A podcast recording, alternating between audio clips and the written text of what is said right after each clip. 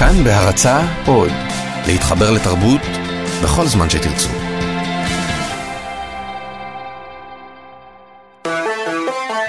פסטיבל כאן. עם דני מוג'ה ויונתן גת.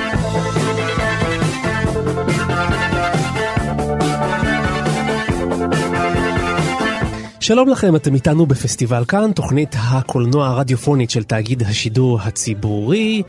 התוכנית שבה אנחנו עוסקים בכל פעם בסרט אחד בלבד, סרט מופת, כזה שמעניין לדבר עליו, כזה שהשפיע על הסרטים שבאו אחריו, ובכלל שאפשר לחפור בו וליהנות מריחולים על אודותיו. אני יונתן גת, ומולי יושב ראש המחלקה לקולנוע בבית ברל, דני מוג'ה. שלום יונתן גת. ודני, על מה אתה מציע שנדבר הפעם? יש לי בשבילך הצעה, יונתן, שלא תוכל לסרב לה. Mm, אני מבין שמדובר ברבז אה, לא דק. עבה כמו ראש של סוס. יפה.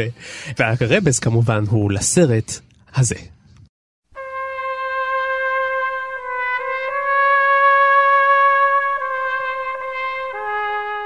What have I ever done to make you treat me so disrespectfully? If you'd come to me in friendship, And the scum that ruined your daughter would be suffering this very day. And if by chance an honest man like yourself should make enemies, then he would become my enemies. And then they would fear you. Be my friend? Godfather? Good.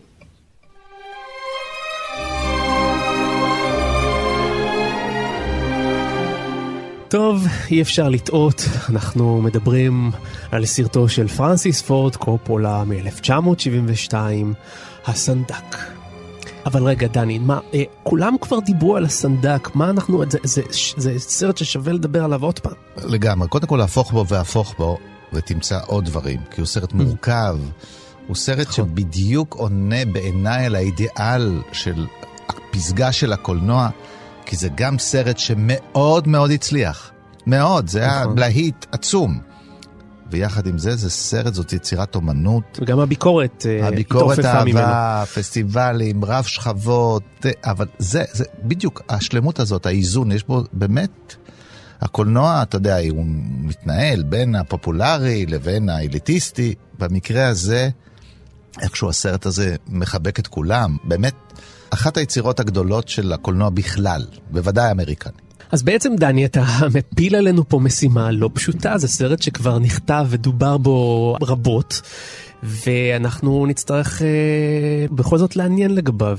אתה צודק, זה סרט שדיברו בו וכתבו עליו, וספרים ומאמרים, אבל ראשית, קודם כל הוא סרט מלפני אה, הרבה מאוד שנים, כן? יותר מ... כמה זה יוצא? 46 שנה, 45 שנה. נכון. ולחלקים מהקהל שלנו, מהמאזינים שלנו, אולי הוא לא מוכר. Hmm. כי בעקבותיו נעשו כל כך הרבה סרטים על גנגסטרים.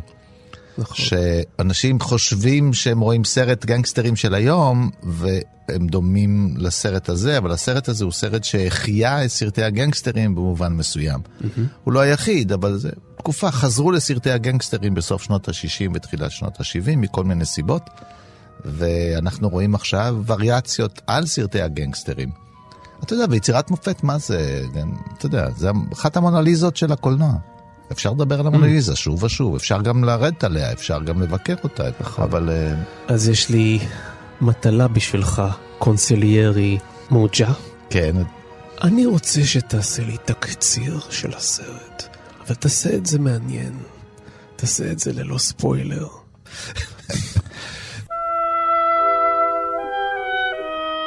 תראה, זה סיפור, הסרט הסנדק אחד, שנסע ב-72, מספר את uh, סיפורה של uh, משפחת קורליאונה, שהיא משפחה של uh, בת מהגרים איטלקים מדרום איטליה, סיציליאנים, שיש לה נתח שליטה של, באזור ניו יורק, היא אחת ממשפחות הפשע, ויש מאבקים, כמו בסרטי גנגסטרים, בין משפחות הפשע. ומתאר את המלחמה של המשפחה הזאת שבראשה עומד דון קורליאונה, ראש הלא המשפחה, הוא מגולם על ידי מרלון ברנדו האגדי. מרלון ברנדו, עם הלחיים התפוחות, או השפתיים התפוחות, כן.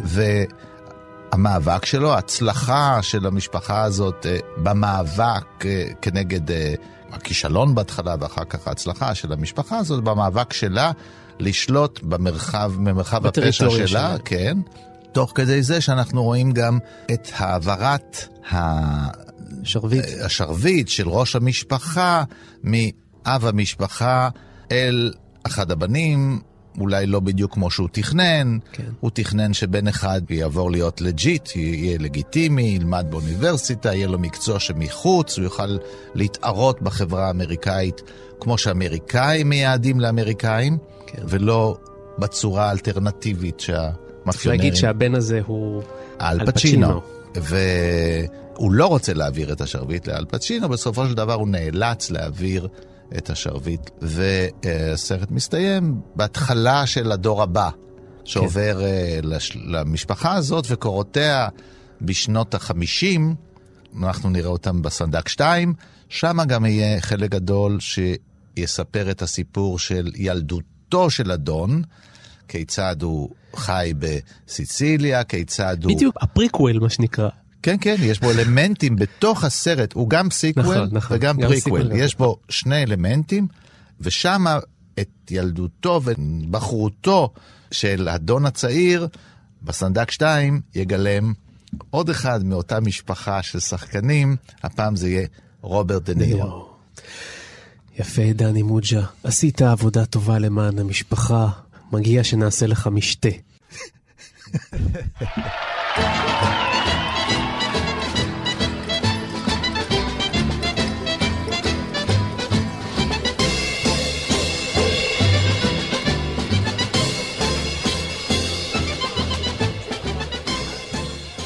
אבל תגיד, אה, למה בעצם הנושא הזה גם של מאפיה וגנגסטרים ופשע, למה הוא נבחר תמיד להיות התמה האהובה, הפופולרית מאוד בקולנוע? למה זה קורה? תראה, אתה כינית אותי קודם קונסיליירי, יועץ למשפחת המאפיה. כן. אבל כשאתה פונה אליי בשאלות שצריך פה מישהו שמבין במטריה, אז אני הבאתי לך consigliere משל עצמי. חתיכת consigliere. נמצא פה לידינו מומחה מספר אחד בישראל לתחום הזה של אה, סרטי מאפיה וגנגסטרים בכלל. אז נציג אותו. דוקטור דוד גורביץ', חוקר תרבות, מגיש איתי ביחד את התוכנית גיבור תרבות, והוא גם מחבר הספרים גנגסטר שיק והגנגסטר הפוסט-מודרני שיצאו השנה לאור, ספרים יוצאים מהכלל. שלום דוד. שלום לכם, מה שלומכם? אנחנו בסדר, והנה דני כבר גלגל אליך את האחריות להסביר לנו למה אנחנו כל כך מאופנתים מז'אנר סרטי הגנגסטרים. אז uh, הייתי אומר, זו שאלה נהדרת, אני חושב. Uh, משום שהז'אנר של הגנגסטרים, לדעתי, זה הז'אנר הכל אמריקאי המרכזי. זה היה, נדמה לי זה היה קורסדס שהמציא שלוש... אה, הוא דיבר על שלושה ז'אנרים שהם אופייניים לקולנוע האמריקאי, שהקולנוע האמריקאי ברא אותם. רוב הז'אנרים לא נבראו על ידי קולנוע אמריקאי, בכל זאת, המחזמר, המיוזיקל, זה ז'אנר אמריקאי. בכל זאת, סרט הגנגסטרים זה ז'אנר אמריקאי, ואפילו נוער זה ז'אנר אמריקאי. וכולם עוסקים רק בדבר אחד, במיתוס ההצלחה. אני חושב, בסופו של דבר, כולל המחזמר.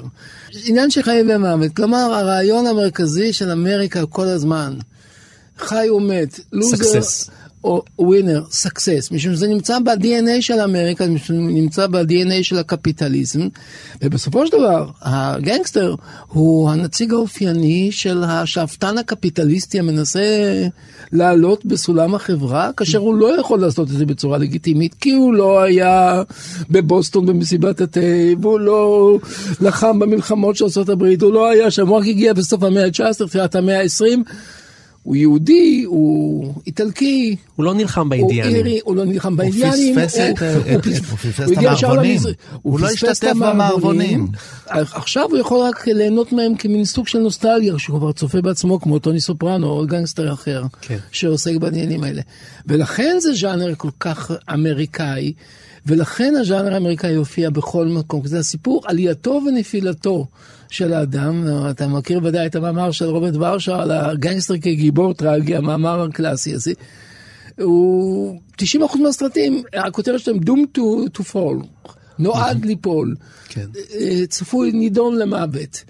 בסופו של דבר, עכשיו יש הבדלים, נכון? יש אה, גנגסטר הקלאסי חייב למות, אין מה לעשות, זה כמו קיסר קטן, גשם יורד, והוא שם עושה את דרכו בכנסייה, רואה כמה שלטי פרסומת של החבר שלו הרקדן, והוא לא יכול להגיע לשם, הוא מתמוטט ונאסף שם כמו איזה כלב על ידי ראש המשטרה. אבל, אבל הדפוס הפוסט-מודרני יותר, שאני חושב, הסנדק, עם שלושת הטרילוגיות שלו, שייך להם, הגנגסטר לא חייב ליפול.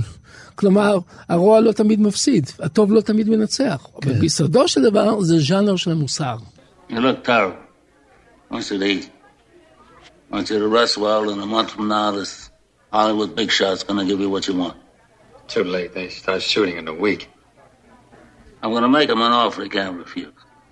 אה, דוד, אחד הדברים שמאוד נהניתי לקרוא בספר שלך, גנגסטר שיק, הרי זה שני ספרים. אה, זה איך שאתה מתאר את המאפיינים של הגנגסטר. אולי תיתן לנו ככה כמה דוגמאות. אני אמרתי בספר שהחברה יצרה את הגנגסטר כמפלצת שאפשר לזהות את הסימנים שלה כדי שתוכל להתבדל ממנו ולהצביע עליו כמו על קין. כלומר שמה לו אות קין, קוראים לזה צלקת. ולכן קוראים לסדרת פני הצלקת, Scarface. כן. זה אומר, הוא מודח מהחברה, יש לו צלקת ומסומן. עכשיו, צלקת זה אחד הסימנים הקיצוניים שלו, אבל יש לו דברים אחרים, יש לו סיגר, נכון? יש לו את החליפות האלה שכאילו לא יושבות, מאוד מפוארות, אבל איזה גוף בריון כזה רע כזה, כאילו החליפה יפה זה לא נראית. חליפות בטעם רע, תמיד העניבה כזאת היא לבנה משהו בולטת, לא יושב משהו לא נכון, יושב שם, כן, נכון. משהו שמעיד על רוע, על בעיה, על סטייה חברתית, זה לא זה. אחר כך הוא אוכל במסעדות איטלקיות כל הזמן, ושומע גם אופרה, במקרה של הסנדק, במקרה... זהו, אתה מאפיין את. הגנגסטר כאחד שהוא די מעודן סך הכל, או שמנסה להיראות כאחד שיש לו טעם. זהו, אני חושב שאחד הדברים המדהימים בטיפוס של הגנגסטר, שהוא יכול להיות גם מפלצת וגם בן תרבות. בדרך כלל בריון הוא סתם כזה, אתה יודע, פושע, הוא, אין לו שום עניין ורגל בתוך הציוויליזציה, בתוך התרבות. כן. אבל טוני סופרנו מכיר את זיגמונד פרויד, ויכול להיות ש... כי הוא כבר בדור שאחרי נשיאי קורליאונה, שהוא כבר למד, ואולי הוא, הוא למד איזה שנתיים בקולג', מה שאי אפשר להגיד, להאשים את מרלון ברנדו. הם שומעים את דון. ג'ובאני. הם שומעים את דון ג'ובאני, אבל תוך כדי זה שהם אוכלים שם בתא של האופרה ועוזבים באמצע כדי לרצוח מישהו, אבל הם, הם מכירים בערך של האופרה. הם מכירים שיש תיאטרון, שיש לא מודע, שיש זיגמונד פרויד, ויש להם שיש גם ערכי טיפול. משפחה, יש ערכי משפחה, אה, יש טיפול. אני מדבר על הדור המאוחר, טוני סופרנו הנציג שלו. אבל לא הגנגסטר הקלאסי, או המודרני, זה שבעצם הסנדק הוא על הגבול שלו. לא, אין חיי משפחה, הוא כולו עשוי בדבר אחד, רוע ששואף להתפוצץ, למות, וכאילו מאדם שיישפך לתת כפרה לחברה. עכשיו הכפרה מאוד מעוניינת להוריד אותו לקרשים. ובסרטים ראשונים, אתה זוכר, אז אפילו ההפקה הייתה כותבת, האיש הזה הוא אויב הציבור, עד מתי יתהלכו האנשים האלה ביותר? זה חלק מהסרט, חלק מה, מה, מהצדקנות של ההפקה וכל זה. עכשיו, בדגם הפוסט-מודרני, השאלה של הרוע והטוב, יש חצייה מסוימת של גבולות, אתה לא חושב? בהחלט. במובן הזה דיברתי על דפוס פוסט-מודרני אחר, ואז... יש לך דמויות חדשות של גנגסטרים שלא נראים גנגסטרים. מה, טוני סופרנו לבוש לפעמים ב T-shirts, הוא יורד בחלוק אה, בוקר לזה, לא לבוש טוב, לפעמים ככה, לפעמים יש לו סיגר, לפעמים אין לו סיגר. ואני יודע, אה, אמיר מולנר, הישראלי שלנו, הוא נראה גנגסטר? לא, הוא נהיה סוכן ביטוח. עכשיו, ברגע שהם סוכני ביטוח, הם הכי מסוכנים, כי הם לא קיימים. הם לא מוצגים דרך איקונוגרפיה מסוימת, מה שמאפשר לחברה בכלל לא להכיר בקיומם. יש גנגסטרים, בסרטים יש גנגסטרים, שם רואים אותם, שם מזהים אותם, רק בתוך המסך. Don Corleone, I am honored and grateful that you have invited me to your daughter's wedding.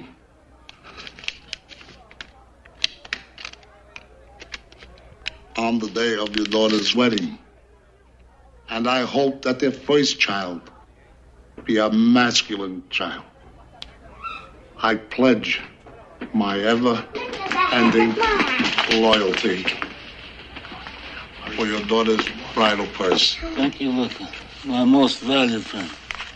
אז אחרי שביררנו מה זה גנגסטר בתקופות השונות, בואו נחזור לסרט שלנו משנת 1972. קופולה בונה את אה, עולם הפשע בסרט הזה, ומה הוא בעצם מחדש בסרט? בוא תזכור שהסרט מבוסס על ספר, על רב מכר מטורף. נכון, כבר עוד לפני הסרט הוא היה רב מכר רב גדול. מכר מריו מטורף. פוזו. כן, מריו פוזו שכתב באמת ספר שהצליח, תסתכל בסטטיסטיקות של השנים האלה, זה הרב מכר שכל הזמנים נכון. מסתדר שם, ואחר כך בתרגומים עומד שם עם אגת הקריסטי והתנ"ך. ובסוגריים אני אגיד שהוא ממש מצטט דיאלוגים שלמים מהספר. זה כאילו, זה לא ככה מבוסס על הספר, זה הספר. כן, כן. בהחלט. אה, אבל יחד עם. זאת, הדגש הוויזואלי של הסרט, והדגש המוזיקלי כמובן. בגלל זה לקחו את קופולה. זה שלו. אתה יודע שהציעו לו את. הסרט, קופולה כבר היה עם אוסקר על תסריט, הוא כבר היה כן. תסריטאי מוכר, זה הטבעי שהוא יעשה את זה, אבל לקחו אותו גם בגלל שחשבו שהוא, בגלל שיש לו שורשים איטלקים, הוא יבין את ה... את האיטלקיאנה שבתוך האמריקנה. הוא, הוא, והוא באמת, אה, אגב, היה כזה פלירט, הוא הלך הלוך ושוב, הסכים, אחר כך אמרו לו לא, הוא רצה תקציב גדול, הוא רצה, כי היה לו חשוב מאוד לתאר אותם במלוא תפארתם, ומה הכסף אפשר להם. כן, הוא גם רצה את אה, מרלון ברנדו, גם זה אמרו לו לא, היה שם גם כן סיפור כזה. בכלל, כל, כל, כל הסיפור של אחד, ההפקה הסר, היה- אחד הסרטים הכי יפים זה רק לראות את האודישנים, מה דה נירו קיבל, ופצ'ינו המלחמה שלו לקבל את התפקיד, וג'יימס קאן, ושם הוא, הוא עשה אודישנים פתוחים, מצולמים במשך ימים רבים, והם כולם מתועדים, זה יפהפה כן. לראות את זה.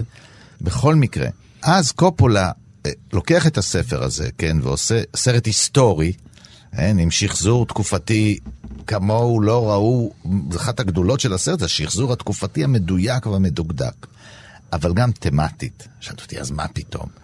איך מתחיל הסרט? מתחיל במשפט, I believe in America. כן, אבל אמריקה בגדה בי. נכון. ואם אמריקה בוגדת בי, אני צריך ללכת למקום אחר שיעשה צדק.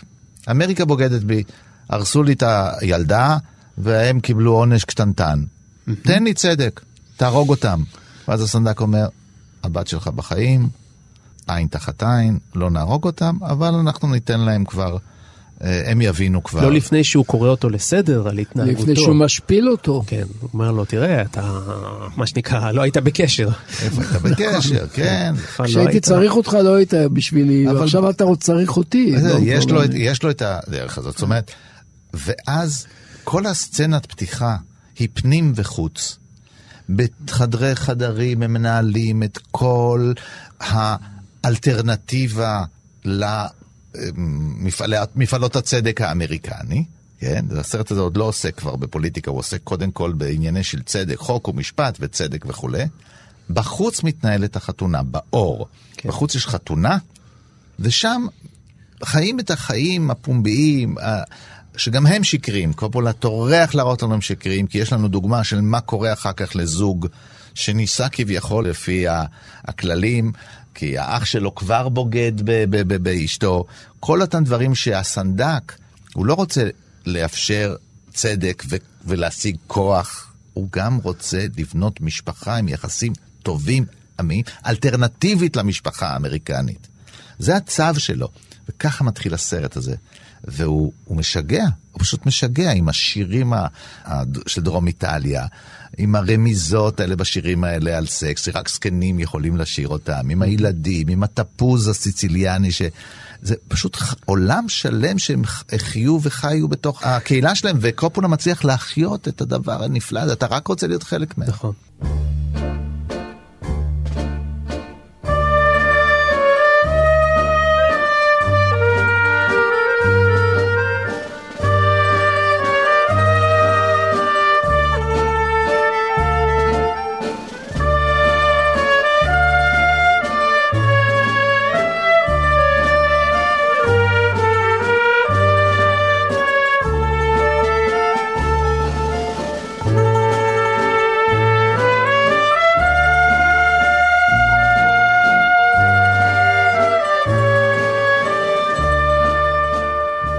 ומה שקופולה מצליח לעשות מאוד יפה בסרט זה להביע את העוצמה הזאת של האלימות מתחת לפני השטח.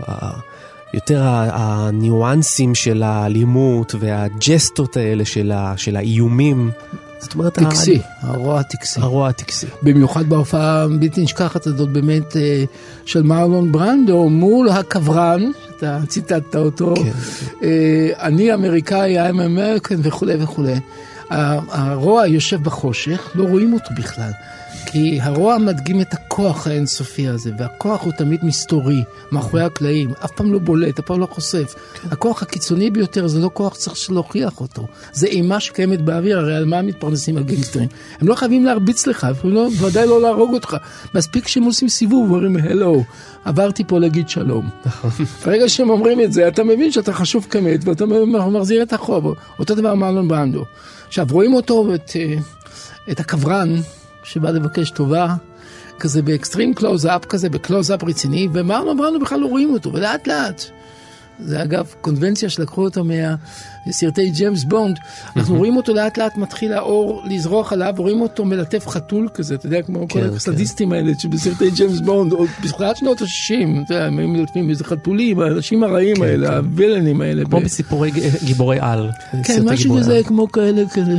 פושעים כאלה, מטורפים כאלה, שמלטפים איזה חתול סיאמי, ולאט לאט הפנים שלו מתגלות ומציגות את שני הצדדים האלה של הצדק האמריקאי, וכאן אני מאוד מתחבר למה שאתה אמרת, דני.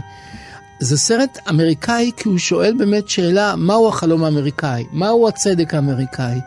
האם בסופו של דבר המיץ של ההצלחה והקפיטליזם אה, לא הופך לבדיחה עצובה, כאשר הרוע בעצם מושל בנו, ולא הדינים ולא הדברים האחרים. והרוע הזה מודגם יפה מאוד באמת במנייריזם של הטקס בפנים, כן. כמו שאמרת, ובמנייריזם גם של הטקס בחוץ. שני הטקסים הם לגמרי מעושים, לגמרי מלאכותיים, לגמרי תיאטרליים, לגמרי לא ריאליסטיים. האור המוגזם והריקודים השופים והאיטלקיים כאילו הפולקלור האיטלקי, הנחמדות כלפי חוץ והחושך. שניהם מוגזמים, ושניהם לכן מוצגים כבר מתוך אירוניה מסוימת, לרעיון של אגב, אור וחושך. והרי אור וחושך זה המלחמה הנצחית בין טוב לרע. אגב, האקטים האלה שהמאפיה מבצעת, אנחנו את אה, רובם לא רואים, לפחות במחצית הראשונה של הסרט. זאת אומרת, אנחנו רואים את ראש הסוס הכרות אחרי שזה בוצע, אנחנו לא רואים...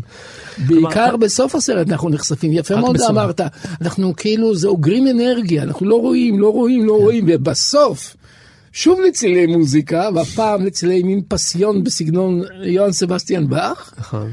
דבר שאחר כך הבורר חיכה אותו בסצנה מפורסמת, אה, בזמן שאיבגי עוד היה בכותרות, כן. ולא במקרר.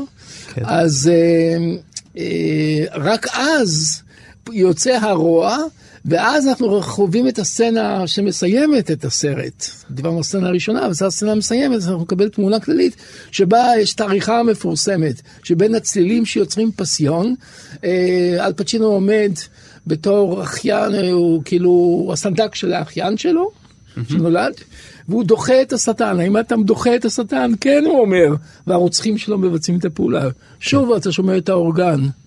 זה כזה כמו איזה תיעוד כזה, אתה יודע, כזה, בסי מינור כזה של באך כזה, אורגן מתגלגל כנסייתי, ושוב אנחנו רואים רצח, ושוב רואים זגוגית של מתנפצת בקלוז-אפ, סצנה מאוד מפורסמת, במכון יופי של אחד הגנגסטרים שנורא, תוך כדי שעושים לו מסאז'. כן. הוא מאוד אוהב את זה קופולה, הדיסוננס בין הקדושה לבין שפיכות דמים. זה, זה כמו אופרה, זה אופרה, זה כן. אופרה, ולכן גם אוהב אופרה. נכון, אין בכל אחד מהחלקים יש אופרה שהיא בעצמה סוג של מטאפורה לכל מה שקורה בסרט.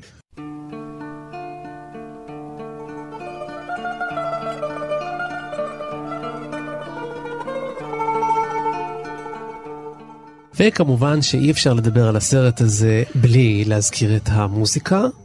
אם כן, פרנסיס פורד קופולה עושה חכם ביותר וגונב לפדריקו פליני את המלחין הנפלא שלו, נינו, נינו רוטה.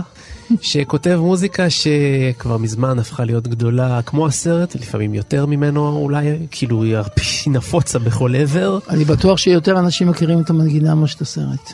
אני גם בטוח. מה המוזיקה הזאת עושה? למה היא כל כך אה, איקונית? אני יודע שזה קשה להסביר אני תווים, נורא אבל רוצה תנסה. לדבר, אפשר לדבר, אתה יודע, יש מומחים מוזיקליים שיסבירו לך את גדולת המוזיקה שלו ואת המקור שלו. מדובר במוזיקאי מאוד רציני, כתב מוזיקה לא רק לסרטים, כתב מוזיקה לז'אנרים מגוונים מאוד ברחבי העולם כולו, עד יפן. הוא כתב יצירות סימפוניות מורכבות. לגמרי, לגמרי בן אדם פדנט בצורה לא רגילה. once in a generation יש איש כמה כאלה, אבל הוא אחד מה... עם, עם, אוזן, ל- עם אוזן אה, פנטסטית גם למוטיבים עממיים. תראה, המוזיקה שלו הייתה כל כך חזקה, שהיא הפכה לזו שמגדירה מה זה מאפיה. אתה יודע, היא אבל לא זה עניין יוצאת אירוני. כי הופכת להיות מאפיה, כן, היא אבל זאת זה- שמחליטה כן, מהו יונתן, מאפיה ומה אתה לא. צודק, אבל זה עניין מאוד אירוני. כי המוזיקה מקסימה, נוגעת נכון. ללב, סנטימנטלית, עממית.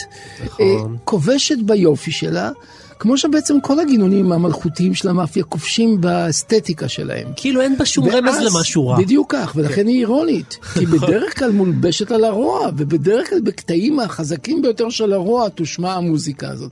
כי הרי, הרי בזמן שמושמעת המוזיקה בחוץ, בפנים מתנהלים העניינים האפלים.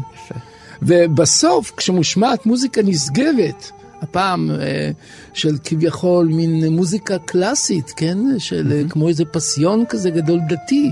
אנחנו בעצם מדברים על, ה, על הטבח של כל מתנגדיו, של אלפצ'ינו, שהייתי אומר, אה, ממליך את עצמו בדם, אויביו, והופך להיות למה שהוכתר להיות. אני פתאום חושב על זה, זה באמת מדהים לחשוב איך מוזיקה שהיא בכלל לא, לא מרמזת בכלל שום דבר באמת הצליחה להיתפס ולהיות מובנת. לקהל. בגלל הקונטרפונקט. אז תסביר לנו מה זה קונטרפונקט. הניגון שבזה בין המוזיקה לבין האירוע. הרי זה דבר בסיסי של, הפסקול הקולנועי, שהמוזיקה היא לא אילוסטרציה לפעולה, המוזיקה היא פירוש של פעולה, אפשרות נוספת לפעולה, נקודת מבט, פנימיות מסוימת. נגיד, בניגוד למלתעות ששומעים כריש, זאת אומרת המוזיקה מדמה כריש, או כן. כמו פסיכו ששומעים סכינים כי הכינורות צווחים. פה המוזיקה לא מתפקדת ככה, בדיוק בגישה אחרת. תראה, היא- אפשר לתאר את המוזיקה הזאת, שזאת המוזיקה שהמשפחת קורליאונה היו רוצים שתשמע. בזמן שהם עושים מעשים אחרים שלא תראה. נכון. זה יפה. מוזיקה, זאת המוזיקה, היא באה מהם. זה גם מה שהמאזין או הצופה הרגיל היה רוצה להשלות את עצמו שזה המאפיה, כי זה היופי, זה הדר, זה הג'סטות, בשביל זה הוא אוהב את הבידור של המאפיה. Judge tell me should ask me anything else.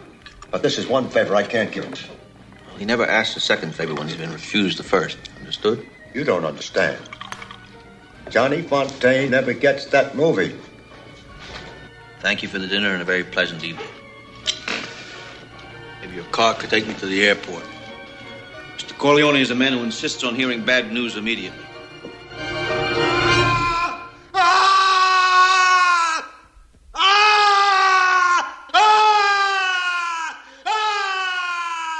אל תשכח, אני חושב אה, זה לעצמי כל הזמן, שלא במקרה השני ז'אנרים אלימים כל כך, כמו המערב הפרוע, כן, המערבון הוא אחד מהז'אנרים האלה, הש- השלישי, יחד עם המחזמר והגנגסטר, כן. הם, הם אמריקאים, כי האלימות היא נפשה של אמריקה.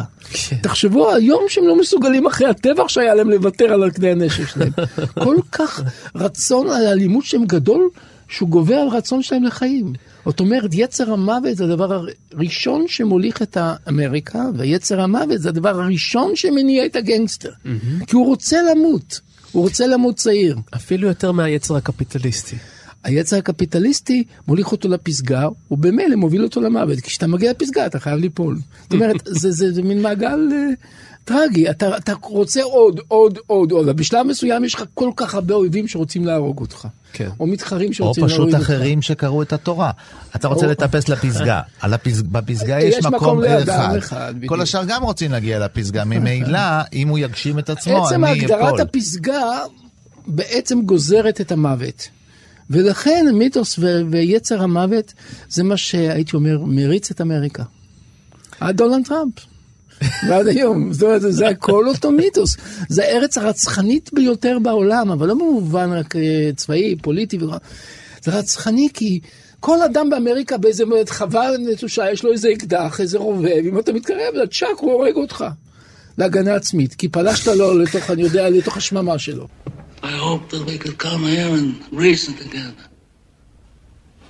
And as a reasonable man, I'm willing to do whatever's necessary to והסרט הזה נשען, לא כולו, אבל רובו, על כתפיו החזקות והמרשימות של אה, השחקן הכל כך נהדר הזה, מרלון ברנדו. שגם כן כל הסיפור הזה, כבר הזכרנו, כל הסיפור הזה של הליהוק שלו לסרט, הרי הוא כבר היה גמור, הוא היה פסה, הוא היה כבר, הסוס מת לגמרי, קריירת המשחק שלו הייתה על הרצפה. ופרנסיס פורד קופולה התעקש לקחת אותו למרות שהאולפנים הזהירו אותו שמדובר בבן אדם בעייתי, שתיין, דיכאוני, לא זוכר טקסטים וכו' וכו' וכו'. והוא חזר, מה זה חזר בגדול? טוב, תשמע, קופולה שייך לקבוצת הבמאים האלה, ששינו את הוליווד. כבשו את הוליווד. הם כבשו אותה לא כי הם היו הבנים של... הם התחברו עם הבנים של. הם לא גדלו בתוך הוליווד, הם באו מבתי ספר לקולנוע ומעוד מקומות, והפכו את הוליווד והשתלטו עליה. כי הם גילו להוליווד הרדומה איך צריך לעשות קולנוע, איך להגיע לקהל צעיר. וקופולה מגיע גם אל הז'אנר וגם אל הוליווד, והוא רוצה את ברנדו, כי הוא יודע איך צריך ללהק היום סרט שגם בני נוער ו- ו- ולא כל המשפחה יבואו אליו. הוא יודע שאלימות צריך להראות, כי כבר ראינו אלימות. הוא, אתה יודע, הקהל כבר ראה אלימות בווייטנאם. Mm-hmm. אי אפשר יותר לספר להם שהוא נפל. צריך להראות, דם זה דם ואלימות היא אלימות. ואותנטיות היא אותנטיות, ועם השחקן הזה שאני יכול לגרום לקהל להזדהות איתו, צעירים ומבוגרים, אני אביא אותו. והליהוק שהוא עשה לסרט הוא מדוקדק, והוא ניסה, והוא התלבט, ושורת השחקנים שיש בו, אתה אומר, אה, זה להקת שחקנים. נכון שיש פה כוכב, אבל כל כך הרבה סצנות הוא איננו. זה נכון, כוכב. הוא, הוא מזכיר לנו קצת את אנטוני הופקינס בשתיקת הכבשים, שהופיע רק בשליש או רבע מהסרט, וכולם זוכרים רק אותו משתיקת הכבשים. ככה גם לגבי מרלון ברנדו בסרט הזה. כאילו, רוברט דובל, נכון. אל פצ'ינו, כן, כן. אתה יודע, אחר כך במספר 2 יש לנו את רוברט דה נירו, אילי ולח. אתה יודע, איזה שחקנים יש שם ב... כן, וזה סרט גם מאוד משפחתי. טיה שייר משחקת שהיא... דיין קיטון. דיין קיטון. כן, כן, דיין קיטון, כן. תחשוב איזה אנסמבל של שחקנים מעולים. משחקים גם בתפקידים הכי הכי קטנים, מדוקדקים, הסרט כל כך מדויק. אז הג'סטות הקטנות שקופולה והשחקנים עושים תוך כדי שלא מקדמות עלילה, שמאפיינות בן אדם, על אדם שיוצא בבוקר לרצוח, ובכל זאת רואה איזה כתם קטן על האוטו שלו, הוא מנקה אותו לפני שהוא נכנס לאוטו, ואחר כך אה, אה, אה, טובח במישהו, כן. ודברים... תחשוב גם על הביצוע הזה של התפקיד על ידי מרלון ברנדו, כן. היכולת לשחק גם את הכוח הסטדיסטי העליון, ומצד שני... החבוי. סוג, החבוי, אבל מצד שני סוג של דאגה, תחושה של דקדנס, תחושה נכון, שאני נכון. האחרון. ואת שני הדברים האלה ביחד לגלם, שזה דבר בניגודו. באישיות שלו, בצורה, במחוות הקולנועיות שלו, בדיבור המיוחד שלו וכל זה. סוג של נכות, שהיא גם הנכות של הדמות, אבל גם הנכות של הגורל של המשפחתי, שהוא רוצה כל כך לחלץ ללא הצלחה את המשפחה ממנו. הרי המסר הגדול שלו זה, זה, זה, זה לאט לאט תהיו לגיטימיים, ת, תנסו לצאת משם. דבר שלא מתקיים. How did things ever get so far? I don't know. It was so unfortunate, so unnecessary. Natalia lost the son. I lost the son. We're quits. And if Natalia agrees, then I'm willing to let things go on the way they were before.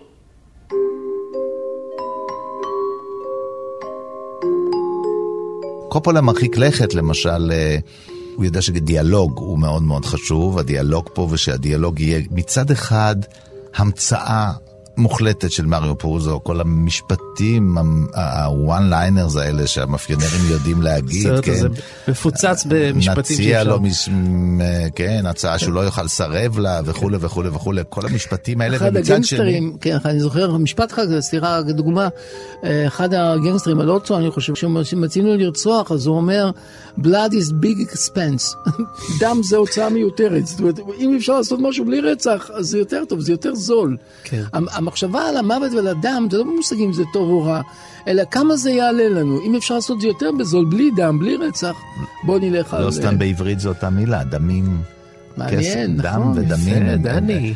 הם- תראה, יפה מאוד, אפילו הייתי אומר. יפה מאוד, לא לי, לך, ל- ל- בסדר, אבל לשפה אתה- העברית, אתה כן, הבאת את זה אה, עכשיו. הוא איטלקי, הוא איטלקי. לכותבי התנ"ך.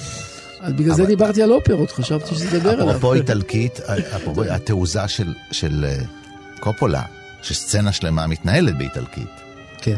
מייקל קורליאונה יושב לשיחה ומדבר על יחסים עם גנגסטר, והם עוברים כדי שיבינו אותם, זה היידיש שלהם, שיעברו לדבר באיטלקית אה, של מהגרים, כן? זו איטלקית כבר מעוותת, היא לא, אפילו לא סיציליאנית, זו סיציליאנית מעוותת כפי שהיא כבר בשני דורות הצליחה להתעוות ב, ברחובות אה, ניו יורק.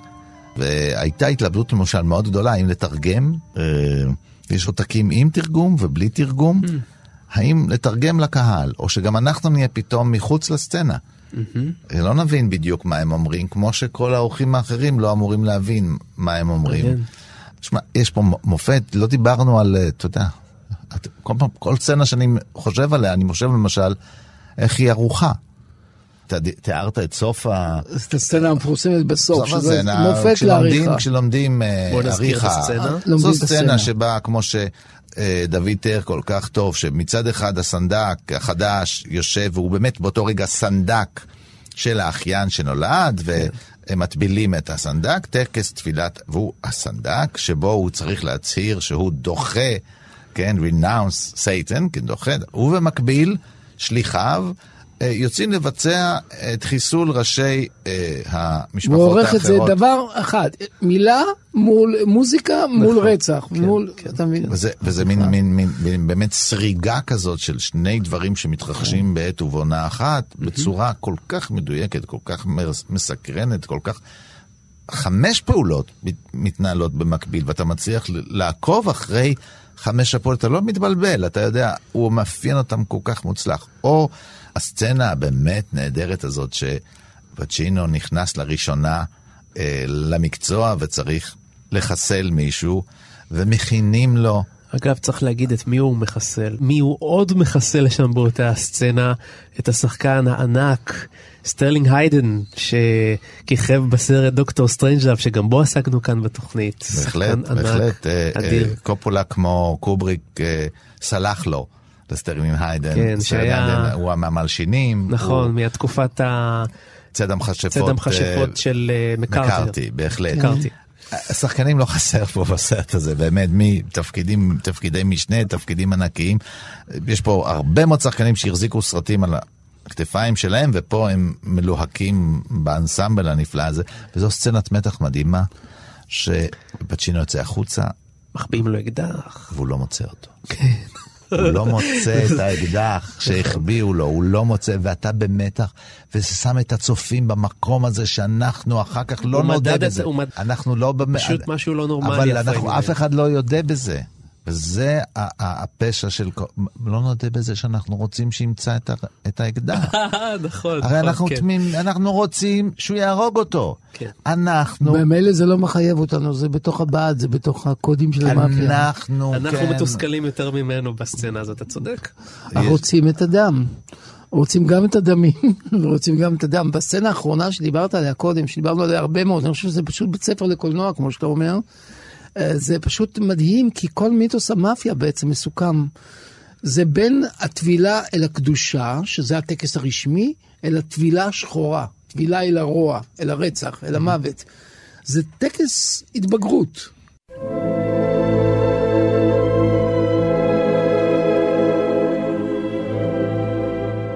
ואיתנו אדם שהוא לא רק מבין גדול בענייני מאפיה, אלא הוא גם אה, מכיר לא מעט משפחות פשע מקרוב. שלום לבוקי נאה. שלום לכם, אהלן. אה, בוקי, רציתי לשאול אותך, כמה הסרט הזה, הסנדק, הוא תמונת מראה של מה שבאמת קרה בעולם הפשע הסיציליאני בארצות הברית, או שהפוך, או שהסרט הזה השפיע על המציאות המאפיוזית שם? אתה יודע שאנחנו לא יודעים הרי אף פעם מה היה קודם, הסרט או החיים. כן. מזכיר לכם, הקרנת הבכורה של סרט הסנדק הייתה לפני 46 שנים. כן. ונכתבה על, על ניו יורק של פעם, מריו פוזו כתב, האיש החזק, כאילו הסנדק, הייתה אימא שלו. הוא הרי ברח עם אימא שלו מסיציליה, אחרי שרצחו את אבא שלו. הוא היה עורך זוטר בעיתון שכתב סיפור דמיוני, וקרא לה, למשפחה קורליאונה. וכך איזה כפר קטן בהרים בסיציליה, שגדלו שם כמה פושעים מהמאפיה הסיציליאנית, הפך להיות כפר מפורסם בכל העולם. עכשיו, אין פושע בעולם, גם אצלנו וגם בעולם, שכשעוצרים אותו לא מוצאים אצלו את הסרט הסנדק. אתה יודע שכל הפרחחים האלה הקטנים מנסים לשחק אותה כמו ששיחקו אותה בסרט הסנדק. כן. אבל גם היום, גם בארצות הברית וגם בסיציליה, ברגע שנכנסו הסמים, הם הפכו להיות מאנשי כבוד לסמרטוטי רצפה. Mm. כי ברגע שמוכרים סמים וסוחרים בסמים ונהיים נרקומנים, אתה יודע, גם היום המאפיה הסיציליאנית, הפושעים הסיציליאנים, כבר לא ענבים. יש להם גם כן דפי פייסבוק, ומעלים בפייסבוק תמונות שלהם על יאכטות עם בחורות. זה לא העוד והדר של הסרט הסנדק. אתה יודע, הסנדק זה הרי יצירה מופלאה, אבל כולם חקיינים. כן. כולם חקיינים. היו פעם מאפיות בניו יורק לפני הרבה שנים, וזה היה משפחה, והיו כל האלה שבאו הרי מהגרים מסין ומהגרים מאיטליה, והיו בקבוצות כאלה במשפחות פשע, וזה אם תיקח את הסרט הסנדק 2. זה הכי מתאים לזה. כן, מה המצב של המאפיה היום בארצות הברית? מה, מה המצב של ה... אין, תשמע, אף אחד לא הצליח לתרגם, לתת תרגום חד משמעי למילה מאפיה. כן. יש לזה הרבה משפחות וכוח וארגון וכל מיני כאלה, אז יש הרבה ארגונים ויש הרבה כנופיות, וברגע שעושה פשע, תזכור את זה, יותר מאדם אחד משתתף בפשע, בסוף השני נהיה עליו עד מדינה. ראה כן. מקרה רוני ליבוביץ' אצלנו, הוא נתפס אחרי הרבה זמן, כי הוא לא סיפר לאף אחד. אתה מדבר על האופנוען. ברגע ששני כן. אנשים יודעים, קח את הסרט מתחת לאף. הם היו שיכורים, הם עמדו על השולחן והם התלהבו, ואני, סמי בן טובים, עד שזה הגיע לאוזניים של המשטרה. כן. אז כל הארגונים האלה היום לא יכולים להתקיים, כי כולם נהיה עד מדיניים, עדי מדינה. ברגע שיש יותר משניים, הפשע מתישהו יתגלה. כן, אתה לא חושב שבעצם הנושא של הבגידה זה בילט אין, זאת הגדרת המאפיה. כלומר, המצב של בגידה הוא נתון. כלומר, המצב של לרצוח ולהירצח, זה בעצם מה שהם בוחרים בו. כל ראשי המאפיה הסיציליאנית בחמישים השנים האחרונות, ברגע שעצרו אותם, פתחו את הפה שלהם וחיפשו שייתנו להם הטבות. שכיר החרב הגדול ביותר בעולם, ג'ובאני ברוסקה, האיש שפיצץ את השופט פלקונה, mm. שאמר בעדות שלו שהוא רצח בחיים שלו בין 100 ל-200 אנשים, גם הוא דקה אחרי שעצרו אותו פתח את הפה וסיפר על כולם והפליל אותם. כל הגיבורים הגדולים האלה, הם רוצים הטבות. הם רוצים קיצור שנות מאסר, הם רוצים שייתנו להם לראות את האישה שלהם, והם רצו שיכניסו להם זונה לתא המאסר. אז הם מוכרים את כולם בעבור עצמם. תגיד, ומה... זה לא כמו בסרט, כן. בארץ, מה הסיפור הכי צבעוני שהמציאות סיפקה לנו, ש... ששווה היה אולי אה, סביבו לעשות סרט, אולי לא כמו של הסנדק, אבל לפחות כמו החבר'ה הטובים. בוא, אני אתן לך סתם איזה קוריוז קטן, אמר, תראה, היה אצלנו פושע גדול שקראו לו זאב רוזנשטיין. והוא, הוא הלך ברחוב, אנשים העריצו, רצו להצטלם איתו, אז עוד לא היה סנדוויץ' שהיה מחוץ לכלא, אבל רצו להצטלם איתו, ועשו לו כבוד. גם כל מיני בחורות העריצו את הדמות של הפושע הגדול הישראלי. כן. והיו כל מיני גברות צעירות, הייתה גברת אחת שהייתה מוכרת בחנות בקניון ברמת אביב. ופעם בשבוע רוזנשטיין היה עושה לה, היה בא לבקר אותה, והיו עושים מה שעושים בחדר ההלבשה, ואז היא הייתה מפנקת אותו. הייתה נותנת, מלבישה אותו בגדים חדשים מהחנות, עד שגילתה בעלת החנות, אישה מפורסמת מאוד, שיש לה חוצרים של 250 אלף שקל. ואז המשטרה הלכה, קוראים לזה, אתה יודע, כשלא מצליחים לתפוס אותך על הדברים הגדולים, הולכים לתפוס אותך על הדברים הקטנים. על העלמות מס, בדיוק, כן. לא, לא, יותר גרוע מהעלמות מס. כן. מה שהיה במקרה, רוזנשטיין עצרה אותו משטרה ברחוב והיא הפשיטה אותו. כי כל הבגדים שלו שלבש היו של המותג שנתנה לו מתנה והלביש אותו. ואז לקחו אותו הביתה עם תחתונים והאשימו אותו בהחזקת רכוש גנוב. אוקיי. כן. פרט רכילותי קטן על בוקי נאה, אה, כשהוא כתב בידיעות אחרונות, הכתב הפלילים הבכיר, ואני הייתי כתב מתחיל במגזין 24 שעות, כשהייתי מתקשר אליו, עוד אז שמעתי, הרינגטון שלו היה דון קורליאונה. הסנדק, הסנדק, נכון. הסנדק. אני לא- עושה טיולים פעם, אני עשיתי בשנתיים האחרונות 24 טיולים, אה, סיפורי המאפיה הסיציליאנית. לקחתי קבוצות מישראל לטיולים במאפיה. עמדנו, עמדתי ברחוב עם קבוצה של שוטרים שהדרכתי אותם בפלרמו. 50 מטר מאיתנו רצחו מאפיונר שהשתחרר מהכלא. בא מתנקש על אופנוע ורצח אותו, הוא נסע על אופניים, וטראח! מול העיניים שלנו היה רצח כזה יפה בפלרמו, חיש כמה גם היום זה קורה. וואו. אתה עדיין עושה סיורי פשע?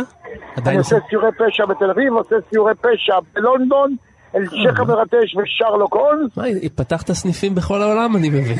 כן, אני עושה סיורי תיירות פשע בכל, אה, לא בכל העולם. אז זהו, אז רק נסביר למי שלא מכיר, אז פוקי נאה לוקח, אה, אוסף איתו אנשים, ושם הוא מראה להם איפה נעשה כל פשע בתל אביב, לא, אני. מביא את הפושעים עצמם שיספרו להם. והוא לא מתחייב שכל מי שיוצא. איתו לסיור גם יחזור. אה, בוקי נאה, חוקר תולדות המאפיה. תודה רבה. שלום לכם, ביי להתראות. ביי בוקי. תודה רבה.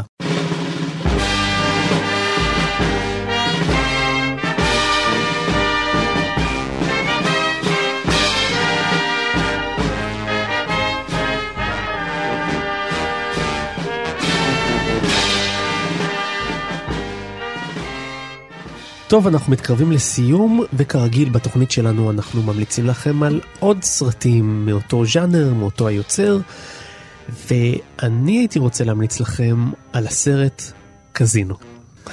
סרט הגנגסטרים של מרטין סקורסזה הפעם, משנת 1995. כל החשודים המיידיים שם, רוברט דה נירו, ג'ו פשי ושרון סטון. וגם דון ריקליס הקומיקאי. וזה סרט שמתרחש באולם אה, קזינו אה, בלאס וגאס, וזה כמובן כר פורה להלבנת כספים ולסמים ולפשע ולזנות, וזאת אה, חגיגה גדולה מאוד של אה, אלימות ומוות, וזה נראה במקרים מסוימים מאוד דומה למה שקופולה עשה עם אה, רגעי האלימות שלו בסרט. כאילו זה מחוסר הקטעים האופראיים יותר של... כן, זה, יש בזה פחות מעודנות ממה שיש אצל אה, פרנסיס פורד קופולה, וזה עדיין, זה סרט גנגסטרים ענק בעיניי, מאוד מאוד מוצלח. מה אתה תמליץ, אורחנו, דוד? אה, אני- אמליץ לכם על אל פצ'ינו שגם מופיע כמובן כגיבור בטרילוגיה הזאת, בסרט של בריאן דה פלמה, שהוא סוג של רימייק מ-1983 לסרט מאוד מפורסם משנות ה-30, פלמוני שנקרא פני צלקת. כן. Scarface. גם שם הוא משחק את הגנגסטר הטרגי, הגנגסטר שנועד ליפול, אבל מתוך ציטטה כבר פוסט מודרנית של כל מסורת הגנגסטרים שלפניו, מיוחד זכורה הסצנה בסוף הסרט, שאני לא אומר לכם מה סופה, אבל כשתראו את הסרט אתם תבינו למה אני מתכוון. דני? אני אמליץ על סרט שהזכרת כבר, על החבר'ה הטובים, Goodfellas של מרטין סקורסזה, שוב דה נירו, שוב ג'ו פשי, שהזכרת בהקשר אחר. כן. סקורסזה עושה דמיסטיפיקציה, הוא לא מאמין לכל הסיפורים האלה. הוא אומר, חבר'ה, אני ראיתי אותם בשכונה שלי, איזה גנגסטרים, היו פושעים. הוא לוקח את הגנגסטרים ומוריד אותם לרחוב, למדרכה. זה קצת סרט אנטי סנדק. כן, הוא אומר, בואו נראה לכם איך זה היה באמת, הם לא היו נאמנים. הם היו, הם, כן. הם היו בוגדנים, הם היו שמאטע, הם עדיין הם שמאטע. מלשינים, הם בסוף גומרים כמלשינים של הם המאפיה. מלשינים זה על זה, ואין להם סטייל, וכשהם רוצים, הם אוכלים, הם מתלכלכים, אין להם סטייל, אין להם באמת סטייל, כן? הם, אה, הם, זו בדיחה, אבל תוך כדי זה הוא מראה לך, קודם בגלל שהסרט הוא בכזה סטייל. וגם הם כנראה ראו סרטי גנגסטרים. אז הם מנסים, הם יכולים לשבת בשורה הראשונה של, של, של איזה מופע מאוד מאוד קברטי חשוב, אבל בשביל להגיע לשם הם צריכים להיכנס דרך המטבח, כי יש להם קשרים עם ה... הם לא נכנסים בדלת הראשית, הם לא כבשו, הם לא... הם, הם לא... הם, עזוב, זה שטויות, הם יושבים במכולת, בשכונה, והם כן. באמת גונבים פרוות, הם, מה הם עושים כבר, כן? הם גומרים, כן, אולי בחיים. אבל כמו שאמרת, באיך קוראים לזה? תוכנית להגנת עדים, באיזה וילה שם, אי שם בלוס אנג'לס, כל מה שיש לו לעשות זה לקבל את הקצבה מטעם הממשלה הפדרלית ולאסוף עיתון הבוקר. שזה אנטיתזה מוחלטת, לה, אתה יודע, לתיאטרליות ולהוד והדר הזה של כי בסנדק. גיבורים שמתים. לעומת הסנדק. הוא לא מת בכלל. גם בסנדק יש... סתם נמחק. בסנדק גם יש אה, אחד כזה שהצליחו להביא אותו לתוכנית להגנת עדים, והוא מגיע, והוא לא מהמשפחה הראשית, הוא לא דמות ראשית, הוא דמות משנה, ויש את המשפט כבר. אז פתאום מביאים את האח שלו. המאפיה הצליחה להביא את האח שלו לאולם, והוא רואה את האח שלו. הוא מבין מספיק את הרמז. תפתח את הפה, הוא יסגור את הפה. לנצח. וזהו, הוא אומר, מה פתאום? אני לא דיברתי כלום, ואין הלשנה, ואין כלום. שכחת את הקודים, הנה הקודים. זה, אצל מרטין סקורסזה, בחבר'ה הטובים, אין את זה. זה שם כבר הכל הידרדר באמת לרעת רחוב, ומשם קיבלנו את הסופרנוס. נכון מאוד. יפה. זה נושא שיחה הזדמנות, אחרת. לא, אבל זאת גם הזדמנות למאזיננו לצפות בסופרנוס. בהחלט, איך כן. אפשר שלא? 86 ו... פרקים, וזהו. בכל פרק, כל פרק שווה את הצפייה שלכם. ואני אתן עוד המלצה אחת לסיום. אתם חייבים לתת מבט בספרים של דוד גורביץ' שיושב פה. גם, ואני מבטיח שלא תיאמנו את זה. הגנגסטר שיק והגנגסטר הפוסט-מודרני, כל מה שרציתם לדעת על הגנגסטר ומעבר לו, ולמשמעויות מאחור, ולאיך זה משפיע על עוד ז'אנרים אחרים בתרבות של, בעיסוק בתרבות שלנו. אז כדאי לקרוא. אני שותק מרוב צניעות. סיימנו, אתם מוזמנים להיכנס לעמוד הפודקאסטים של פסטיבל כאן באתר תאגיד השידור הציבורי, שם תוכלו להאזין לכל תוכניות הקולנוע ששידרנו עד היום. ואנחנו מודים לטכנאי שלנו נדב זילברשטיין, למפיק אייל שינדלר שהביא אותנו לשידור. אני הייתי יונתן גת, ותודה רבה לדוקטור דוד גורביץ' שהיה איתנו. ואנחנו נודה לדון אנג'לו מוג'ה. שישב פה בתוכנית וליטף פה חתול. אני יכול גם להציע לך הצעה? אתה יכול לסרב לה, אבל... אתה יכול לנסות. אני מציע לך שתצטרף אליי שוב בשבוע הבא, עם הסרט הבא. אני מקבל את הצעתך. אבוא. אז תבואו גם אתם בשבוע הבא. להתראות. ביי ביי. להתראות.